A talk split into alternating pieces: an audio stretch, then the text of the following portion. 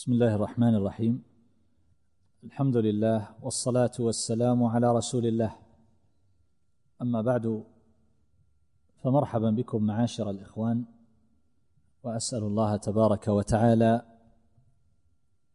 ان يجعل هذا المجلس خالصا لوجهه الكريم ومقربا إلى مرضاته وان يعيننا واياكم على ذكره وشكره وحسن عبادته ايها الاحبه لا زال الحديث عن أهمية الإيمان بأسماء الله الحسنى. وذكرنا في ذلك أمرين وأما الأمر الثالث مما يدل على أهميتها فإن إحصاءها والعلم بها أصل للعلم بكل معلوم.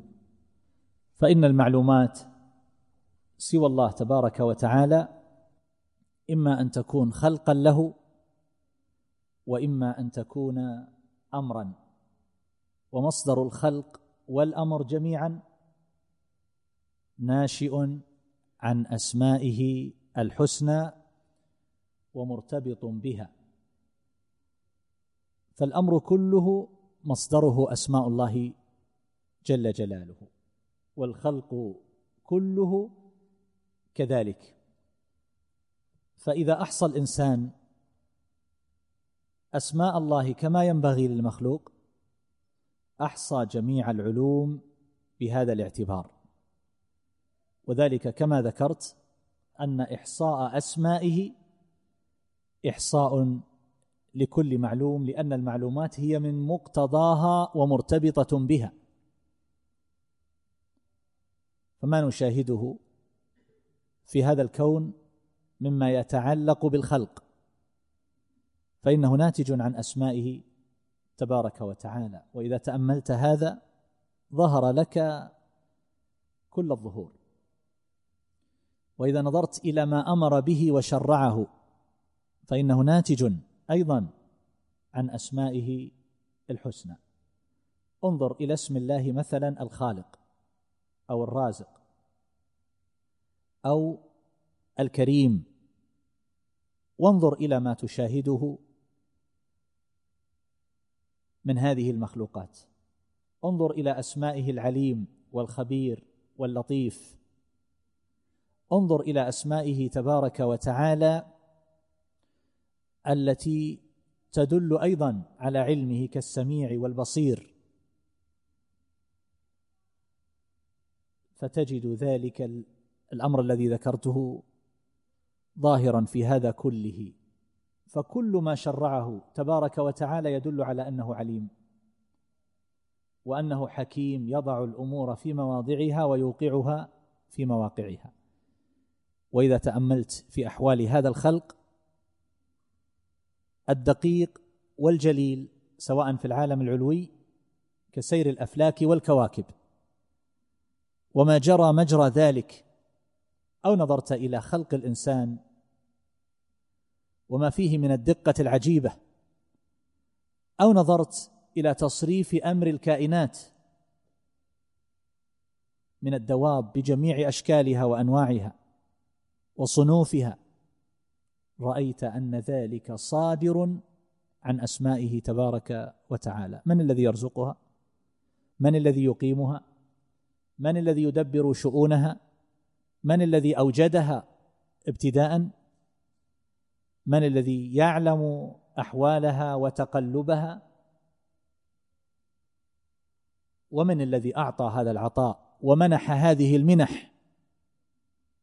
فصار الخلق يتقلبون بألوان الإفضال والنعم التي يغدقها الله عز وجل عليهم صباح مساء من الذي علمهم العلوم والمعارف حتى صار الإنسان يسخر كثيرا مما في هذا الكون ولا يزال يكتشف أشياء وأشياء. فيكون ذلك سبيلا إلى مزيد من الانتفاع بما وهب الله عز وجل ومنح. كل هذا صادر عن أسمائه الحسنى جل جلاله.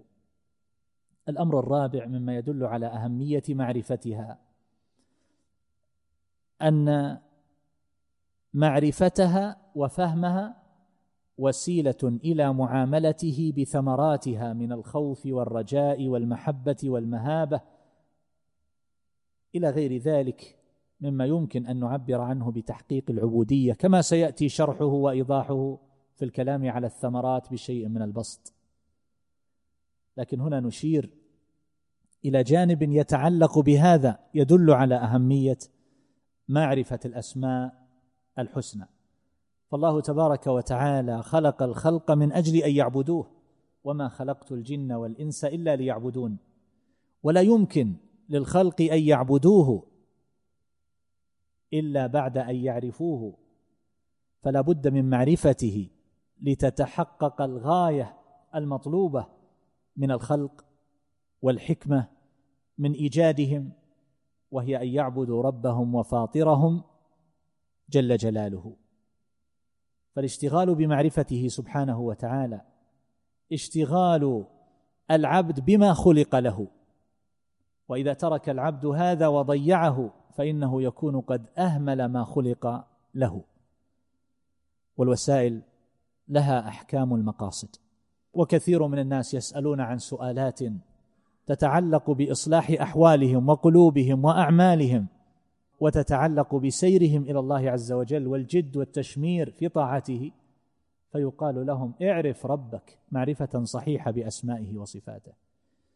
أولئك الذين يتعلقون بالمخلوقين تعلقا لا يصلح إلا أن يكون بالله تبارك وتعالى فيشغلهم ذلك التعلق عن ربهم ويصير ذلك المخلوق يهيمن على تفكيرهم ويجدون من انشغال القلب وألمه ما لا يقادر قدره. مثل هؤلاء نقول لهم العلاج بمعرفة الله عز وجل معرفة صحيحة بأسمائه وصفاته. الذين يخافون من المخلوقين خوفا لا يصلح إلا لله عز وجل ايا كان هذا المخلوق. من الناس من يقول أنا أخاف كما يقول بعض الإخوان قبل يومين أخاف من الظلام. ما السبيل؟ أذهب إلى الأطباء النفسيين أو أحضر في هذه الدورات التي تعالج جوانب في الشخصية أو أقرأ في الكتب المنتشرة في المكتبات التي يقولون إنها تعالج هذه الجوانب السلبية في نفس الإنسان. يقول مع أني قرأت الكثير من هذه الكتب ولا أجد كتابا في المكتبات إلا قراته ومع ذلك يقول لم أنتفع بشيء. فالسبيل هو أن يعرف الله جل جلاله. ولهذا وجد بعض السلف وهو نائم في مكان خال موحش في ظلام الليل في البرية فقيل أتنام هنا وحدك؟ فقال من عرف الله لم يلتفت إلى ما سواه. ملأ الخوف من الله عز وجل قلبه فلم يعد فيه محل لهذه المخاوف والأوهام التي يتوهمها كثير من الناس. أولئك اللي يتحسسون أبدانهم كأنه مريض كأنه هنا فيه علة فيه مرض فيه ورم فيه وليس به بأس. من الناس من لا يكاد يوم يمر إلا وهو يرسل رسالة يطلب الدعاء من أشياء موهومة ليست حقيقية. ليس به علة ولا بأس لكنه يتوهم هذا ويبكي. هؤلاء يحتاجون إلى معرفة الله عز وجل. وأن الله إذا أراد أن يمس العبد بضر فلا كاشف له إلا هو وإذا أراده بخير فلا راد لفضله. إلى غير ذلك مما يطول وصفه ولعلي أتحدث عنه بشيء من البسط كما ذكرت إن شاء الله في الكلام على ثمرات الإيمان بأسماء الله الحسنى. فالمقصود أيها الأحبة أن معرفة هذه الأسماء الحسنى والصفات العلى يحدث خشية ورهبة في قلب العبد. من علم أن الله بكل شيء عليم وأنه لا تخفى عليه خافية من أعمال العباد وآمن بذلك فإنه يكون أكثر مراقبة لله عز وجل وخوفا ورجاء ممن لا يعلم هذا. أولئك الذين يعانون من ذنوب في الخلوات. كيف السبيل إلى التخلص منها؟ إنما هو بمعرفة الله معرفة صحيحة بأسمائه وصفاته. فمن عرفه اتقاه. ولهذا قال الله عز وجل إنما يخشى الله من عباده العلماء. وقد فسر ذلك كبير المفسرين أبو جعفر بن جرير الطبري رحمه الله بأن هؤلاء العلماء هم العلماء بقدرته على ما يشاء. من شيء وأنه يفعل ما يريد. لأن من علم ذلك وأيقن بعقابه على معصيته فخافه ورهبه خشية منه أن يعاقبه. ولهذا قالوا العلم الخشية يعني الذي يورث العبد خشية المعبود تبارك وتعالى. كما ذكر العز بن عبد السلام رحمه الله قريبا من هذا المعنى وهو أن فهم معاني أسماء الله تبارك وتعالى يكون وسيلة إلى معاملته بثمراتها من الخوف والرجاء والمهابة والمحبة والتوكل. الأمر الخامس ما يدل على أهميتها وينبئ عن شدة الحاجة إليها هو أنه لا شيء أطيب للعبد ولا ألذ ولا أهنأ ولا أنعم لقلبه وعيشه. من محبة فاطره وباريه ودوام ذكره والسعي في مرضاته. وهذا كما يقول الحافظ ابن القيم رحمه الله هو الكمال الذي لا كمال للعبد بدونه وله خلق الخلق. ولأجله نزل الوحي وأرسلت الرسل وقامت السماوات والأرض ووجدت الجنة والنار ووضع البيت الحرام ووجب حجه على الناس إقامة لذكره الذي هو من توابع محبته. والرضا به وعنه. وعلى هذا الأمر العظيم أسست الملة ونصبت القبلة فكل من عرف الله أحبه. وكلما كان حبه أقوى كانت اللذة أعظم. سيأتي إيضاحه في الثمرات ببسط أكثر من هذا إن شاء الله. والحب نابع من العلم بالمحبوب ومعرفة جماله الظاهر والباطن. فأعرف الخلق بالله أشدهم حبا له. ولا سبيل للحصول على هذه المعرفة إلا من باب العلم بأسماء الله وصفاته. ومن كان في قلبه أدنى حياة أو محبة لربه وإرادة لوجهه فطلبه لهذا العلم بالأسماء والصفات وحرصه على معرفته وازدياد التبصر فيه وسؤاله واستكشافه عنه يكون أكبر مقاصده. وأعظم مطالبه وأجل غاياته. فهو كما يقول الحافظ ابن القيم رحمه الله ليست القلوب الصحيحة والنفوس المطمئنة إلى شيء من الأشياء أشوق منها إلى معرفة هذا الأمر ولا فرحها بشيء أعظم من فرحها بالظفر بمعرفة الحق فيه وكل ذلك يضفي على القلب النور والبصيرة التي تحصنه من الشبهات والشهوات.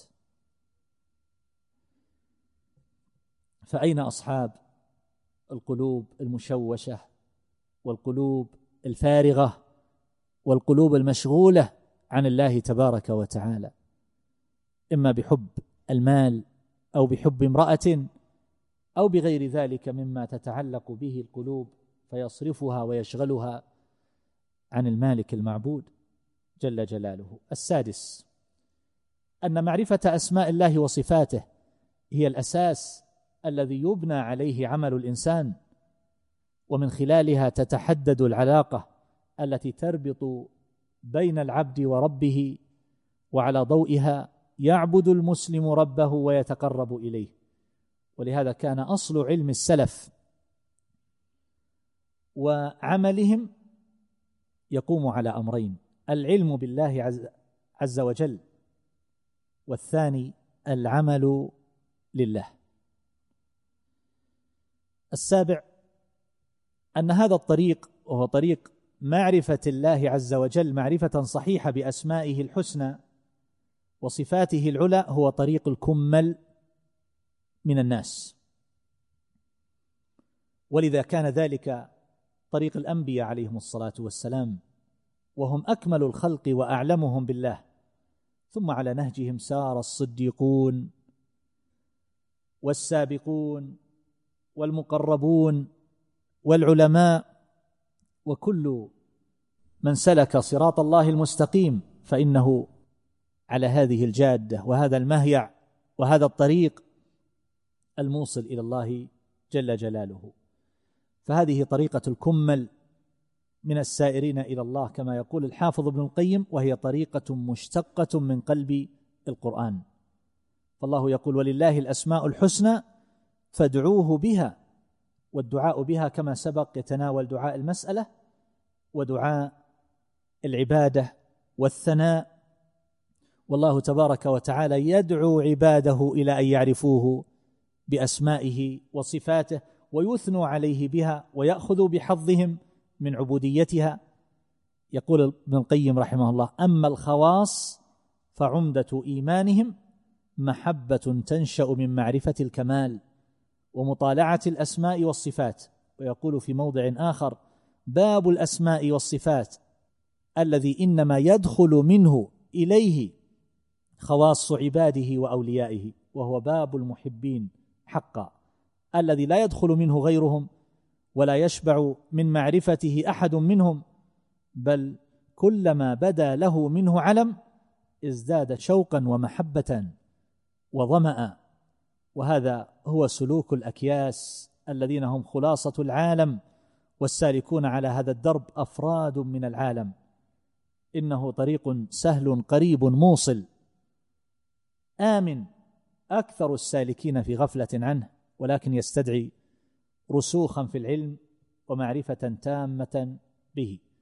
وفي الجملة أيها الأحبة فالإيمان بالصفات ومعرفة الأسماء وإثبات حقائق ذلك وتعلق القلب بها وشهوده لها هو مبدأ الطريق ووسطه وغايته وهو روح السالكين وحاديهم إلى الوصول ومحرك عزماتهم إذا فتروا ومنير الطريق ومثير الهمم إذا قصروا فإن سيرهم إنما هو على الشواهد فمن كان لا شاهد له فلا سير له ولا طلب ولا سلوك له وأعظم الشواهد صفات محبوبهم ونهاية مطلوبهم وذلك هو العلم الذي رفع لهم في السير فشمروا إليه كما يقول الحافظ ابن القيم رحمه الله. وبهذا نكون قد انتهينا من القضايا الدالة على أهمية معرفة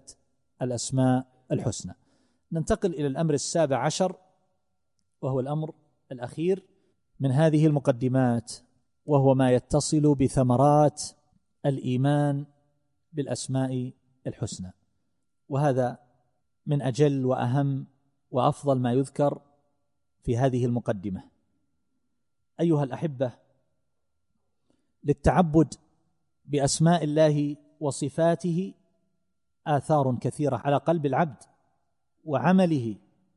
فمعرفة الذات والصفات مثمرة لجميع الخيرات العاجلة والآجلة. ومعرفة كل صفة من الصفات تثمر حالا علية واقوالا سنية وافعالا رضية ومراتب دنيوية ودرجات أخروية. فمثل معرفة الذات والصفات كشجرة طيبة. أصلها وهو معرفة الذات ثابت بالحجة والبرهان. وفرعها وهو معرفة الصفات في السماء مجدا وشرفا. تؤتي أكلها كل حين من الأحوال والأقوال والأعمال.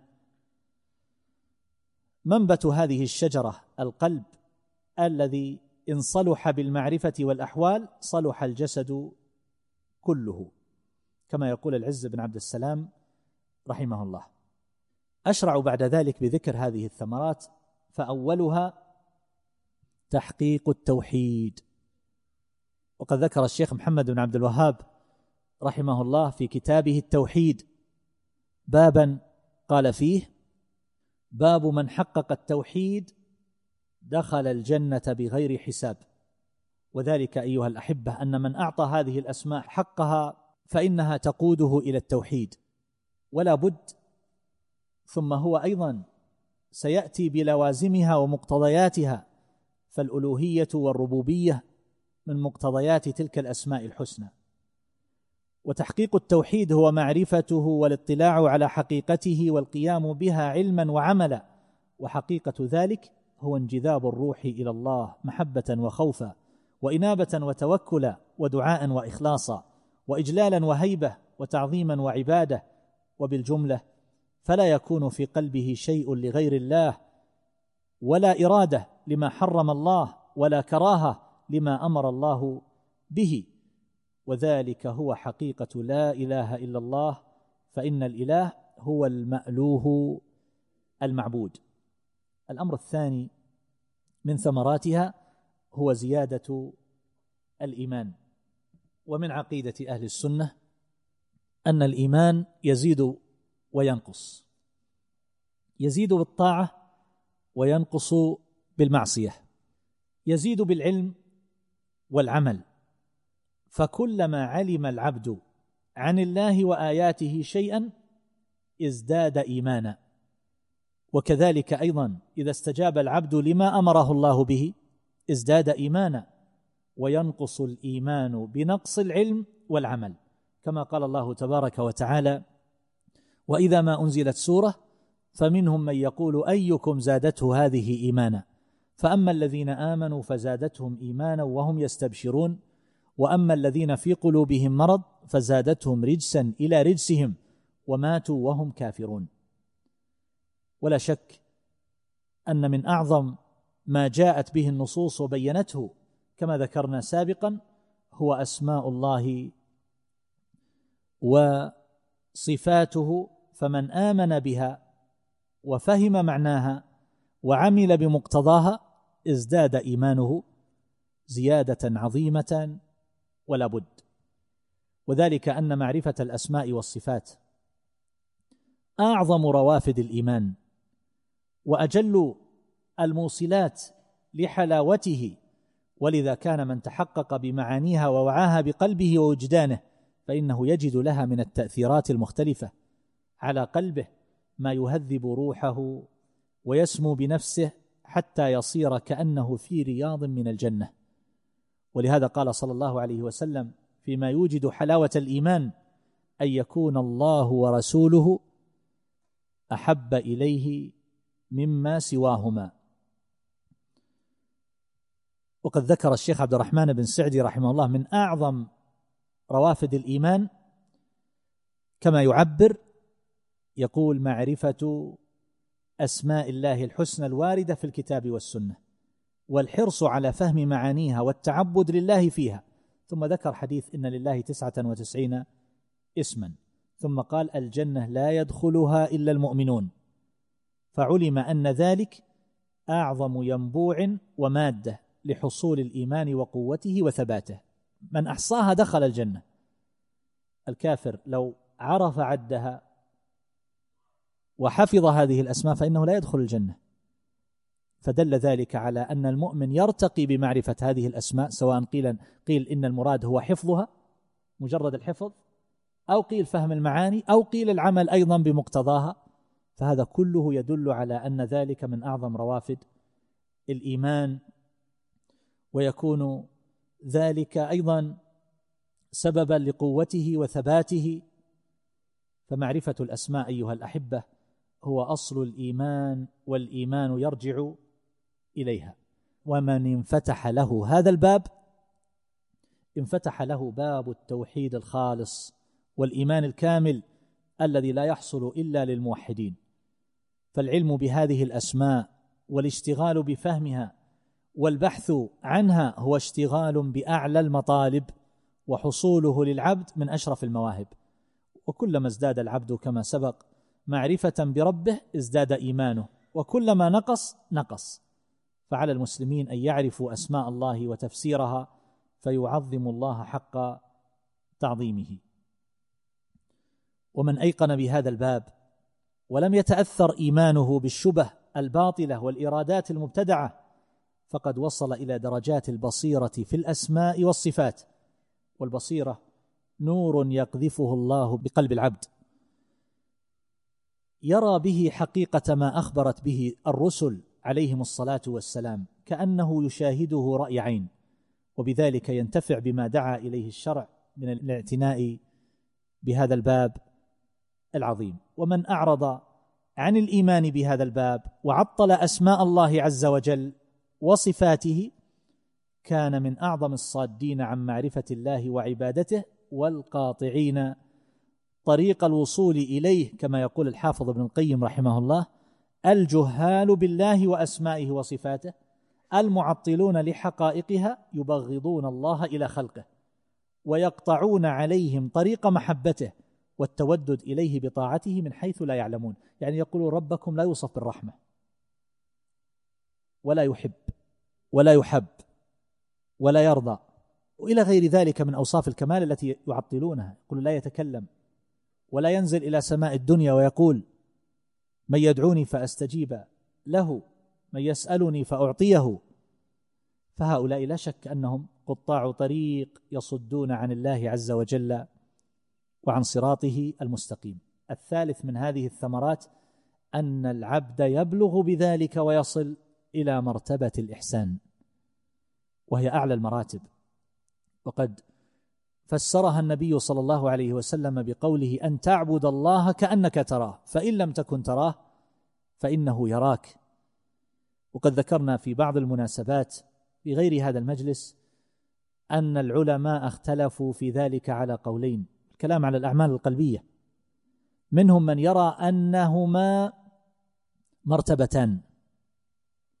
منهم من يقول أن تعبد الله كأنك تراه هذه هي المرتبة الاعلى ثم انحط به ونزل إلى المرتبة التي دونها. يعني إن لم تصل إلى هذا المستوى أن تعبد الله كأنك تراه كأنك تشاهده فاعلم أنه يراك. تستشعر رقابته عليك. من أهل العلم من عد ذلك على مرتبتين. ومن أهل العلم من فهم أنها مرتبة واحدة لكنه ذكره بهذا المعنى الثاني أن تعبد الله كأنك تراه فإن لم تكن تراه فاستشعر نظره إليك ورؤيته لك. والحافظ ابن القيم رحمه الله مشى على أنهما مرتبتان وعد المرتبة الأولى وهي مرتبة الاستحضار. استحضار مرتبة مشاهدة الله واطلاعه عليه وقربه منه وإحاطته بأمره. وهو مرتبة الإخلاص لأن استحضاره ذلك في عمله يمنعه من الالتفات إلى غير الله وإرادته بالعمل. التفت إلى من؟ وهو يستشعر هذا المعنى. يرائي من؟ ولذا كان من أعظم ما يخلص العبد من دنس الرياء ملاحظة أسماء الله وصفاته. فمن لاحظ من أسماء الله الغني دفعه ذلك إلى الإخلاص. لماذا؟ وكيف؟ لأن الله غني عن عملك. وأنت فقير إلى الله عز وجل. والله جل جلاله أغنى الشركاء عن الشرك. من عمل عملا أشرك فيه معه سواه تركه الله عز وجل وشركه. فاذا عرف العبد هذا المعنى وتأمله أخلص لله جل جلاله. إذا تذكر أن الله هو الغني وأن العباد فقراء. يا أيها الناس أنتم الفقراء إلى الله والله هو الغني الحميد. فكيف يتوجه إليهم ويلتفت إليهم ويطلب المحمدة منهم؟ كيف يتصور أن يقوم يعبد ربه تبارك وتعالى بذكره أو بالصلاة أو بقراءة القرآن أو نحو ذلك ثم هو يطلب من مخلوق ضعيف لا يملك لنفسه ضرا ولا نفعا يطلب منه أن يرفعه وأن ينفعه وأن يعظمه وأن يجله أو ما أشبه هذا. تطلب من الفقير العاجز وتنصرف عن الغني الكامل جل جلاله. وهكذا من تأمل اسم الله العليم فإنه يعلم أن ما أخفاه عن أعين الناس وعن نظرهم ومشاهدتهم فإن الله تبارك وتعالى يراه ويشاهده. فإذا استحضر العبد أن الله يراه وأنه يعلم السر وأخفى وأنه سميع بصير فإنه يستحي أن يقارف ما لا يليق. والله جل جلاله يرى ذلك منه والملك يشاهده ويكتب عمله هذا. وهكذا من تأمل اسم الله الحفيظ حمله ذلك على ترك الرياء لأن من معاني الحفيظ أنه يحفظ على العباد أعمالهم يحصيها ويكتبها ثم يوافيهم بعد ذلك بها. وإذا صنع ذلك في سائر الأشياء كان العمل أيها الأحبة كله لله تبارك وتعالى. فحبه لله وبغضه لله وقوله لله ولحظه لله وعطاؤه لله ومنعه لله فلا يريد من الناس جزاء أو شكورا ولسان حاله إنما نطعمكم لوجه الله لا نريد منكم جزاء ولا شكورا. وماذا عند المخلوقين؟ وهذا دواء أيها الأحبة. في كثير من القضايا التي يسأل عنها الناس إنما يجابون عنها بمثل هذا. يقال اعرف ربك معرفة صحيحة بأسمائه وصفاته. بعض الناس يقول أقوم بأعمال دعوية وأشياء ولكن أجد قلبي يتفلت علي ونيتي شرود. فنقول اعرف ربك معرفة صحيحة. فإذا عرفته بأسمائه وصفاته لم تلتفت إلى الآخرين. ماذا ترجو وماذا تنتظر؟ عند هؤلاء الناس العجزة المساكين الفقراء. إن أحبوك مدحوك بما ليس فيك. وإن أبغضوك رموك بما ليس فيك. وما قيمة ثناء الناس؟ وما قيمة تقدير الناس؟ وما قيمة محبة الناس إذا كان العبد يتقلب بسخط الله جل جلاله؟ ما قيمة هذا؟ لهذا يحتاج العبد ان يراعي هذه المعاني. لو قلت إن جميع المشكلات التي نقع فيها فيما يتعلق بالسلوك ما يتعلق بالإخلاص ما يتعلق بعلاقاتنا ترتبط بهذا المعنى لم يكن ذلك مبالغة. كيف لا؟ وقد ذكرنا أن العلم بالأسماء والصفات أنه أصل للعلم بكل معلوم. فإذا عرف الإنسان قدر النفس وأنه عبد لا يصلح له إلا ما يصلح للعبد. وعرف الرب جل جلاله وعرف الخلق فإنه لا بأس عليه. يجتهد في طاعة الله ولا يلتفت إلى المخلوقين أن يعطوه أو يمنعوه أو يكرموه أو يمنحوه أو يرضوا عنه أو يسخطوا عليه. لكن من لم يعرف ربه معرفة صحيحة تضخمت عليه نفسه فتعاظم. وصار يطلب من الناس أن يبرزوه أن يقدموه أن يكرموه أن يعطوه الدروع أن يجعلوه في صدر المجالس أن ينوهوا بذكره في كل مناسبة بل وبدون مناسبة. وإلا فإنه يغضب عليهم ويسخط عليهم ويلومهم. ولربما حقد عليهم. لماذا تتعاظم النفس؟ إذا تلاشت معرفة الرب تبارك وتعالى في القلب. لماذا يتعاظم الناس في عين الإنسان؟ تجده دائما ملهوف.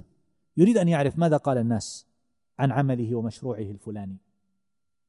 ماذا قال الآخرون حينما ألقى كلمة في هذا الحفل؟ أو حينما تصدق بصدقة؟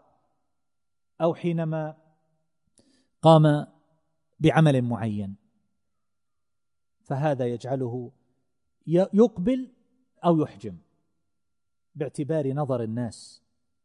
فهذا انحراف وخلل كبير بسبب أن هذا الإنسان ما عرف الله فتعاظم المخلوق في عينه فاشتغل به وصوب نظره إليه فصار عطاؤه ومنعه من أجل رضا المخلوق. أو اتقاء لسخطه. ولا يبالي بعد ذلك أسخط الله عنه أو رضي عليه. وتأملوا هذا في أنفسكم. ويمكن أن تعالج جميع ادواء أدواء القلوب بمثل هذا النظر والمعرفة والعلم الصحيح الذي هو من أجل العلوم. فالعبد إذا قصر في معرفة الله عز وجل وقع في الرياء وضعف عنده الإخلاص فيقصد غير الله عز وجل. ولربما عبد غيره أصلا يعبد حجرا أو شجرا أو بشرا.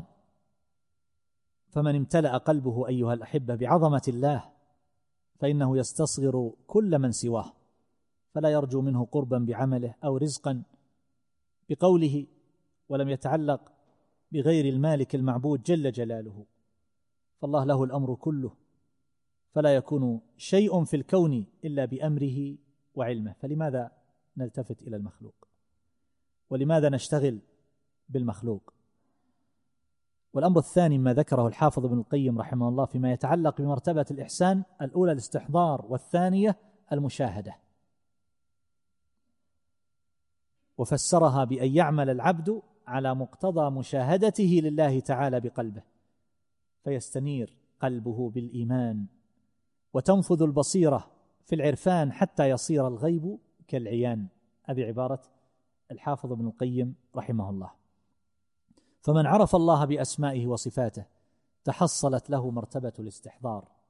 فإن ترقى إلى المعرفة الحق تحصلت له مرتبة المشاهدة. باعتبار الانقسام الذي ذكرته انفا وأن ذلك على مرتبتين. وهذه المرتبة مرتبة المشاهدة هي التي يوصف الإنسان فيها بالتعبد المطلق بجميع الأسماء والصفات كما يقول الحافظ ابن القيم رحمه الله بأن مشهد الإحسان هو مشهد المراقبة وهو أن يعبد الله كأنه يراه. وهذا المشهد إنما ينشأ من كمال الإيمان بالله وأسمائه وصفاته حتى كأنه يرى الله سبحانه فوق سماواته مستويا على عرشه يتكلم بأمره ونهيه ويدبر أمر الخليقة فينزل الأمر من عنده ويصعد إليه وتعرض أعمال العباد وأرواحهم عند الموافاة عليه فيشهد ذلك كله بقلبه ويشهد أسماءه وصفاته ويشهد قيوما حيا سميعا بصيرا عزيزا حكيما آمرا ناهيا يحب ويبغض ويرضى ويغضب ويفعل ما يشاء ويحكم ما يريد. وهو فوق عرشه لا يخفى عليه شيء من أعمال العباد ولا أقوالهم ولا بواطنهم بل يعلم خائنة الأعين وما تخفي الصدور. ومشهد الإحسان أصل أعمال القلوب كلها فإنه يوجب الحياء والإجلال والتعظيم والخشية والمحبة والإنابة والتوكل والخضوع لله تبارك وتعالى. والذل له ويقطع الوسواس وحديث النفس ويجمع القلب والهم على الله فحظ العبد من القرب من الله على قدر حظه من مقام الإحسان. وبحسبه تتفاوت الصلاة حتى يكون بين صلاة الرجلين من الفضل كما بين السماء والأرض وقيامهما وركوعهما وسجودهما واحد كما يعبر الحافظ ابن القيم رحمه الله. هذا معنى شريف أيها الأحبة يحتاج إلى عناية. أن نعالج هذه النفوس ونسعى أيضا إلى رفع الآخرين إلى أن يصلوا إلى هذه المرتبة مرتبة الإحسان. ولا يمكن أن يصل إليها إنسان لا يعرف الله عز وجل معرفة صحيحة بأسمائه وصفاته. ارفع نفسك تتخلص من كثير من الأوضار. إذا أردت أن تعالج الآخرين فارفعهم. علق قلوبهم بالله عز وجل عرفهم به. فتنتهي من كثير من الأمور التي تقلق النفوس. ويضطرب على الإنسان فيها قصده ونيته. وعند ذلك تفسد أعماله. ولربما يقع النطاح والصراع بين كثير من الناس وهم في عمل واحد في خير ودعوة ويتفرق الجمع الواحد ولا يلتئم اثنان على شيء. كل ذلك بسبب هالفساد الذي يعشعش في القلوب. هو يريد أن يكون له حضره يريد أن يكون له وجود يريد أن يكون في الأمام لماذا أهمش؟ لماذا أحيد؟ لماذا أبعد؟ لماذا لا يلقى لي بال؟ لماذا الذكر لغيري؟ ولماذا التنويه بغيري؟ وأنا اللي أقمت هذا وأنا اللي فعلت هذا وأنا صاحب الفكرة وصاحب الاقتراح وأنا الذي كل هذه أمراض تعشعش. فتجد بعد أن كان رأسا في هذا الباب من أبواب الخير ويدعو الناس إليه ويحثهم عليه أصبح معوقا ومثبطا ومنتقدا. يذكر عيوبه ويتتبع أخطاءهم ويلمزهم ويعوق الناس عن الانتفاع بهذا العمل وبهذا المشروع الذي كان هو أول الداعين إليه. ما الذي تغير؟ لماذا تحولت أعمالهم الجيدة إلى أخطاء؟ لماذا ضخمت هذه الأخطاء؟ الأخطاء موجودة في كل مكان لكن لماذا تتتبع؟ ولماذا النجوى يبحث عن أناس يوافقونه ويرخون آذانهم؟ ويسمع لما يلقيه في قلوبهم فإذا وافقه الواحد بعد الواحد ما يلبث أن يجتمع حوله مجموعة إما من السذج أو أو ممن في قلوبهم شيء على إخوانهم ويظنون أنهم إنما يقومون بالله ولله غيرة على دينه وهم إنما يقومون انتصارا لأنفسهم وحظوظهم وذواتهم. وما أكثر هذا. هذا الذي فرق الناس وهذا الذي شتتهم ويتحول بسبب هذا البر التقي الصالح ال... الذي هو من أفضل العباد يتحول إلى شيطان رجيم في نظر هؤلاء.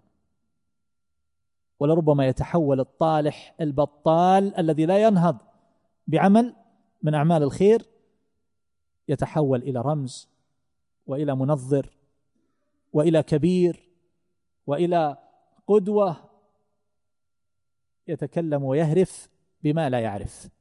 منين هذا أيها الأحبة؟ من من هال هالأمور وهالبلايا وهالآفات وهالشوائب اللي تعشعش في القلوب. فتجد الإنسان في نفسه أشياء كثيرة على إخوانه وإذا سنحت له الفرصة قام. وتحركت عزيمته وهمته ووثب وثوب الأسد على الفريسة. وصار نسأل الله العافية. فتنة لغيره وصادا عن سبيل الله جل جلاله. وهذه بلية لا يسلم منها إلا من خلص قلبه من هذه الشوائب وعرف ربه معرفة صحيحة وعند ذلك لا يبالي بأحد. يقول المهم أن ينتشر الخير أن يكثر البر والمعروف على يدي أو على يد غيري. كل من صار في هذا الطريق فأنا عون له. وإذا أساء الناس أكف عن اساءتهم ولا أريد أن أن أحدا يعرف أنني قدمت في هذا قليلا. ولا كثيرا. ولا يعرف أحد أنني تصدقت أو أنني اقترحت أو أنني صاحب الفكرة الأساسية كما يقول في المشروع أو نحن من الناس من إذا جلست معه تستحي. تريد أن تصلح بينه وبين بعض إخوانه تستحي. كلام أطفال. تحتاج أن ترضيه الكلمة وتسخطه الكلمة. فإذا اعطيته بعض الاعتبار وأنت ومثلكم ومثلكم ما شاء الله وجرى على يده كثير من الخير والبر والنفع وأنتم وأمثالكم وأنتم. انشرح صدره واستراح ووجد أن مثل هذا من أعظم ما يقويه ويدفعه لمزيد من العمل. نعم يمكن أن يستمر بهذه الطريقة. وإذا وجد فتورا أو انقباضا أو لم يذكر أو نحو ذلك أو شعر أن أحدا ينافسه سخط وغضب وأشغل الناس بمشكلاته وإزعاجه وقلقه وما يريده عليهم ويشوش على أعمالهم به. هذا كثير. تجلس مع أناس أحيانا مثل الأطفال تماما. أبو خمس سنوات وابو ست سنوات. تحاول ترضيه وتطيب خاطره وأنت لا ما حد نسيك. كيف تنسى؟ مثلك ما ينسى. أنت ما شاء الله تبارك الله. أنت أصل في هذا العمل ويفرح وينبسط ويسر ترضيه الكلمة وتسقطه الكلمة. لكن لو كان الأمر لله عز وجل كان ما احتاج لمثل هذا. كان قال أنا المكدى وابن المكدى كما كان يقول شيخ الإسلام ابن تيمية رحمه الله ما أنتظر منكم شيء لا نريد منكم جزاء ولا شكورا.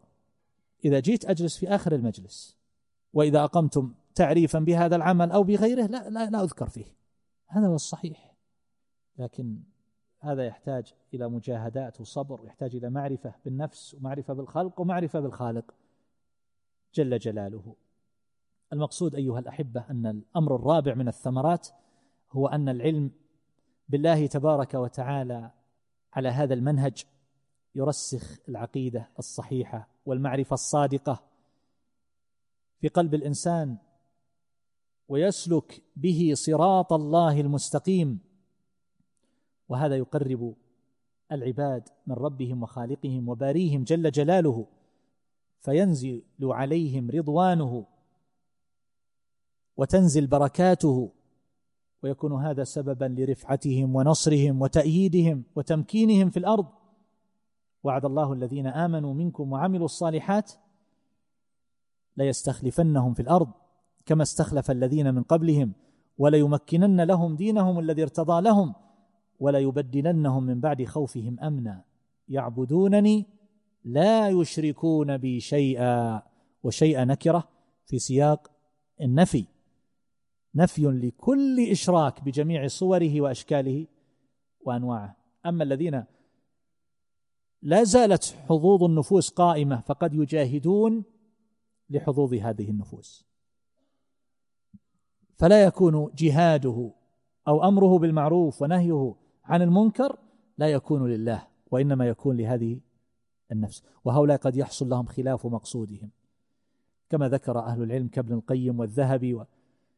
بأن هؤلاء قد يسلط عدوه عليه إذا أمر بالمعروف أو نهى عن المنكر ونفسه حاضرة يريد إما أن ينتصر لنفسه أو يعرف بهذا أو يعرف بأنه جريء وشجاع فقد يسلط هؤلاء عليه فيحصل له من الأذى والإذلال والضرر ما لم يحسب له حسابا. والله المستعان. وإذا حاد العباد عن الدين الذي ارتضاه الله عز وجل لهم فإن ذلك يكون سببا لانقراض ملكهم وسلطانهم وإدالة عدوهم عليهم. الخامس من الثمرات وهو تنزيه الله عز وجل عن كل ما لا يليق به. فلا يظن بربه ظنا سيئا. ولا يصفه بما لا يليق ولا يسميه بغير الأسماء التي سمى بها نفسه تبارك وتعالى. فالله جل جلاله من أسمائه القدوس والسبوح وهذه تدل على التنزيه على تنزيه الله عز وجل عن كل عيب ونقص. يعلم أن الله ليس كمثله شيء فلا ينسب إليه نقيصه ولا يسيء الظن به ولا يقول لماذا يا رب؟ ما ذنب هذا يا رب؟ الأمر السادس من هذه الثمرات وهو أمر جليل يحتاج العبد أن يتفطن له وهو الاستدلال بما علم من صفاته وأفعاله على ما يفعله ويشرعه. هذه طريقة الخواص من أهل الإيمان أهل المراتب العالية. يعني أكثر الناس يستدلون بما يشاهدونه ويرونه على أمور تتعلق بالله عز وجل. يستشهدون بهذا الخلق على وجود الخالق. يستشهدون بانتظام هذا الخلق وبسيره هذا السير الدقيق على أن المدبر واحد فلا يشركون به أحدا سواه. هذه طريقة أكثر الخلق وهي الطريقة الشائعة في القرآن لأن مدارك غالب الناس إنما تدور عليها. لكن الطريقة الثانية هي طريقة راقية. أكمل من هذه لا يصل إليها إلا القلة من الناس الأفذاذ. من فتح الله بصيرته لسان حالهم هؤلاء الذين وصلوا إلى المرتبة العالية يقول أفي الله شك؟ يقول ليس يصح في الأذهان شيء إذا احتاج النهار إلى دليل. مثل المرأة التي مر بجوارها رجل من أهل الكلام وأظنه الرازي ومعه كوكبة من تلامذته امرأة عامية جالسة في الطريق. قالت من هذا؟ قالوا هذا الذي يعرف على وجود الله ألف دليل. فقالت على البديهة لو لم يكن في قلبه ألف شك لما عرف على وجود الله ألف دليل. قضية وجود الله عز وجل قضية بديهية قضية لا تحتاج إلى استدلال ونظر وإثبات ولهذا لا تجد الأدلة في القرآن تقرر هذا المعنى. وإنما ينتقل منها لأنها بديهية وهذه من خصائص الاستدلال القرآني ينتقل منها مباشرة إلى تقرير الإلهية. ما يحتاج يقول لهم الله موجود وإنما مباشرة يقررهم بما يقرون به. هذا الذي تقرون بأنه خلق السماوات والأرض وهو الذي يرزقكم ويعطيكم. يجب أن تعبدوه وحده وأن توحدوه. تفردوه بالعبادة. لا تشركوا معه أحدا سواه. هذه الطريقة التي جرى عليها القرآن. لكن هؤلاء من المتكلمين يتعبون أنفسهم في إثبات قضية لا ينكرها الذين بعث فيهم النبي صلى الله عليه وسلم من العرب أهل الإشراك. كانوا يعرفونها أن الله موجود وهو الخالق الرازق المعطي المانع وإنما يعبدون هذه الآلهة يقولون لأنها تقربنا إلى الله زلفى. الطريقة الأعلى من هذه هو أن من عرف الله معرفة صحيحة بأسمائه وصفاته استدل بهذه الأسماء والصفات ما عرف منها على ما يجري في هذا الخلق. وما يكون أيضا في الشرع. فالعالم بالله تبارك وتعالى يستدل بما علم من صفاته وأفعاله على ما يفعله وعلى ما يشرعه من الأحكام. لأنه لا يفعل إلا ما هو مقتضى أسمائه وصفاته. فأفعاله دائرة بين العدل والفضل والحكمة. كذلك ما يشرعه من الأحكام إلا على حسب ما اقتضاه حمده وحكمته وفضله وعدله فأخباره كلها حق وصدق وأوامره ونواهيه عدل وحكمة. نعطيك مثالين الأول فيما يتعلق بما يفعله الله في هذا الخلق والثاني فيما يشرعه الله تبارك وتعالى. أما الأول فهو موقف خديجة رضي الله تعالى عنها الموقف المشهور لما جاء النبي صلى الله عليه وسلم وهو يرتعد لما رأى الملك ونزل عليه الوحي أول مرة فجاءه في غاية الخوف فقال لها إني قد خشيت على نفسي. فماذا قالت خديجة؟ قالت كلا والله لا يخزيك الله أبدا. كيف حكمت وحلفت أن الله لا يمكن أن يخزيه؟ قالت إنك لتصل الرحم وتصدق الحديث وتحمل الكل وتقري الضيف وتكسب المعدوم وتعين على نوائب الحق. انظروا إلى هذه الأشياء التي ذكرتها. وهو ما كان مجبولا ما كان مجبولا عليه صلى الله عليه وسلم من مكارم الأخلاق ومحاسن الشيم كما قال شارح الطحاوية. وقد علم من سنة الله أن من جبله على الأخلاق المحمودة ونزهه عن الأخلاق المذمومة فإن الله لا يخزيه. ترى إنسان محسن إلى الآخرين وتقي وصالح يقوم الليل ويصوم النهار ونحو ذلك. هل يمكن أن الله يخذل هذا إذا كان له نية صحيحة في هذه الأعمال؟ ما يمكن. نعم قد يبتلى فترة يمحص ويرفع لكن أن يخذل؟ هذا لا يكون. الكفار الذين يظلمون و أكثر الفساد في البلاد وقارفوا ألوان الجرائم التي أهلك الله عز وجل من أجل واحدة منها أمة من الأمم مثل هؤلاء الناس نحن نعلم بما نعرف وما نعلم من من أسماء الله وصفاته أن هؤلاء لا يمكنون. إنما يكون لهم ظهور مؤقت لحكمة وأمر يعلمه الله عز وجل ثم ذلك ينكسرون. وينتهون ويتلاشون. نحن نعرف أن من سنة الله عز وجل كما أخبرنا النبي صلى الله عليه وسلم حق على الله أنه ما ارتفع في هذه الدنيا شيء إلا وضعه. كل ما ارتفع سيأتي يوم ويتضع إلا ما كان لله وفي الله وفي سبيل الله. فهذا الذي لا لا يوضع وإنما يرفع. أما فيما يتعلق بالتشريع فقد ذكر الحافظ ابن القيم رحمه الله مسألة فقهية. وهي مسألة بطلان التحليل التحليل مثلا. حيلة على تحليل الزوج بعد الطلقة الثالثة. المحلل. وكذلك أيضا الحيل الربوية. يقول يستحيل على الحكيم.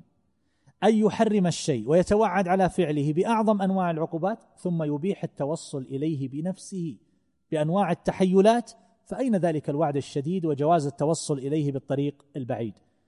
إذ ليست حكمة الرب تعالى وكمال علمه وأسمائه وصفاته تنتقض بإحالة ذلك وامتناعه عليه فهذا استدلال بالفقه الأكبر في الأسماء والصفات على الفقه العملي في باب الأمر والنهي. أولئك الذين يقولون ما في شيء هذا يجوز أنك تتوصل إلى هذه المعاملة بهذه الطريقة في الربا.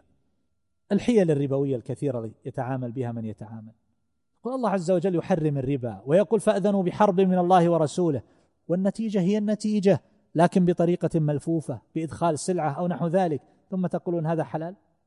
فحكمة الله تأبى ذلك وإلا لما حرم الربا. فنحن نعرف من حكمته سبحانه وتعالى في تشريع هذا ومقاصد الشريعة في تحريم الربا أن هذا موجود في المعاملة الأخرى التي احتالوا بها على هذا الربا. على كل حال بقي في الموضوع بقية. وأنا سأحاول أن أنهيه في درس واحد إن شاء الله الدرس القادم.